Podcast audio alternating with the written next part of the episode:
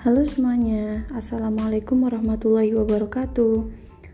Saya Lengklatun Nasruro dari kelas D32A Stikes Kepanjen.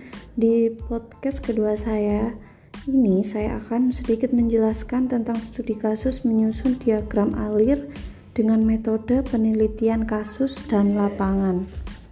Yang pertama, Metode penelitian. Metode penelitian merupakan kerangka pemecahan masalah yang menggambarkan tahap penyelesaian masalah secara singkat beserta penjelasannya. Kemudian, metodologi penelitian terdiri dari beberapa tahap sebagai berikut. Yang pertama, tahap awal penelitian. Tahap awal penelitian ini tahap identifikasi yang merupakan suatu kegiatan permulaan dalam mengenali masalah dalam suatu objek kondisi tertentu. Kemudian, studi lapangan. Studi lapangan merupakan kegiatan awal penelitian yang dilakukan untuk mengetahui dan memenuhi kondisi pada suatu perusahaan. Kemudian, studi lapangan dibagi menjadi dua, digunakan adapun cara yang dilakukan dalam pelaksanaan studi lapangan. Yang pertama, pengamatan lapangan.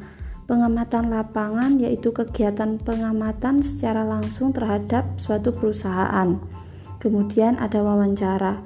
Wawancara yaitu teknik pengumpulan data dan informasi dengan cara mengajukan pertanyaan langsung dengan pihak operator pada suatu perusahaan tersebut.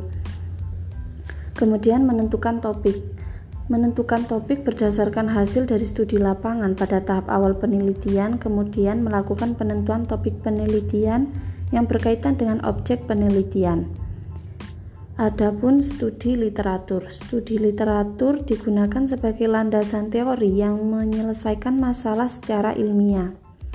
Selanjutnya, menentukan rumusan permasalahan berdasarkan hasil kegiatan studi lapangan atau studi literatur dan konsultasi pada pembimbing yang telah dilakukan oleh peneliti maka dilakukan perumusan masalah sesuai dengan permasalahan yang ada dalam perusahaan. Kemudian menentukan tujuan dan ruang lingkup penelitian. Setelah dilakukan perumusan masalah, langkah berikutnya adalah menentukan tujuan penelitian dan menentukan langkah-langkah yang akan penulis laksanakan selanjutnya guna mencapai tujuan penelitian sedangkan menentukan ruang lingkup penelitian tentu untuk memberikan batasan dan asumsi yang jelas dalam pelaksanaan dan menyusun penelitian ini. Sedangkan penelitian ini tidak melebar keluar di ruang lingkup penelitian yang telah ditentukan oleh penulis. Kemudian ada tahap pengumpulan data. Tahap pengumpulan data ini dilakukan pengumpulan data yang berhubungan dengan penelitian. Menurut Sarwono 2006 data Premier adalah data yang berasal dari sumber asli yang pertama. Data ini harus dicari melalui narasumber atau dalam istilah teknik responden. Teknik responden yaitu orang yang kita jadikan objek penelitian atau orang yang kita jadikan sebagai sarana mendapatkan informasi atau data. Metode yang digunakan dalam memperoleh data premier penelitian ini adalah melakukan wawancara dan kegiatan tanya jawab dengan operator dan mekanik kepala unit secara langsung pada lapangan.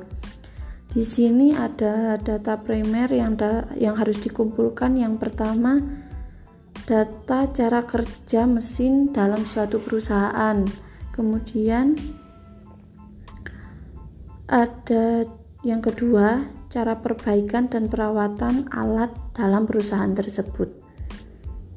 Data sekunder merupakan data yang harus tersedia sehingga peneliti tidak mencari dan mengumpulkan mencari dan mengumpulkan. Penelitian, maaf, Maksudnya, penelitian tinggal mencari dan mengumpulkan. Metode pengumpulan data sekunder tersebut dilakukan melihat dan mencatat data yang ada dalam perusahaan. Data sekunder yang harus dikumpulkan yang pertama di sini ada data historis waktu antar perusahaan waktu antar kerusakan alat. Yang kedua, data historis lamanya perbaikan suatu alat tersebut. Kemudian yang ketiga jenis kerusakan mesin milik perusahaan. Kemudian ada biaya kerja, biaya pergantian komponen, dan yang terakhir biaya menganggur akibat kerusakan. Kerusakan pada alat yang ada di perusahaan. Kemudian pengelolaan data analisis. Tahap ini merupakan tahap dalam mengelola data yang telah yang telah didapatkan dari hasil studi lapangan. Kemudian penentuan komponen kritis. Pada tahap ini dilakukan penentuan komponen kritis kritis mesin yang sering mengalami kerusakan di mana untuk memudahkan penentu dan pemilihan komponen kritis mesin maka menggunakan diagram Pareto. Kriteria dalam pemulihan komponen kritis ini adalah didasarkan diagram Pareto yang yaitu minimal 80% masalah yang terjadi di perusahaan tersebut dapat teratasi. Prinsip Pareto sudah menyatakan bahwa banyak terjadi sekitar 80% dari efeknya disebabkan oleh 20% dari penyebabnya. Selanjutnya di sini ada penentuan distribusi komponen kritis terpilih. Tahap ini dilakukan melakukan uji distribusi data komponen mesin pada perusahaan. Terus menurut Answari Mustajib 2013 data kerusakan komponen diuji dari distribusinya dengan menggunakan pola distribusi yaitu distribusi Weibull normal, log normal, dan X eksponensial. Untuk mengetahui kehandalan komponen, pengujian pola distribusi dan rehabilitasi dilakukan dengan menggunakan software Minitab 16. Selanjutnya, menentukan case of failure cost of preventive.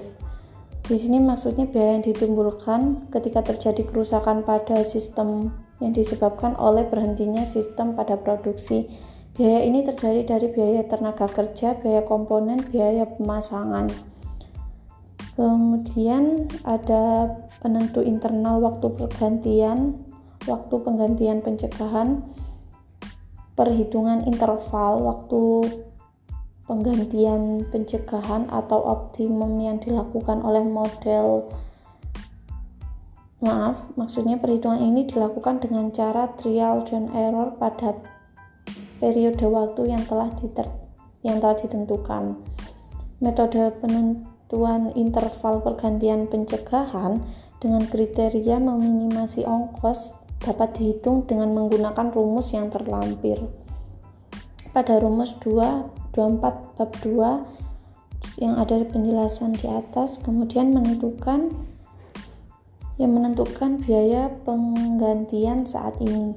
Yang pertama, tujuan dari tahap ini adalah untuk melihat besarnya penghematan sebelum dan sesudah pergantian terencana.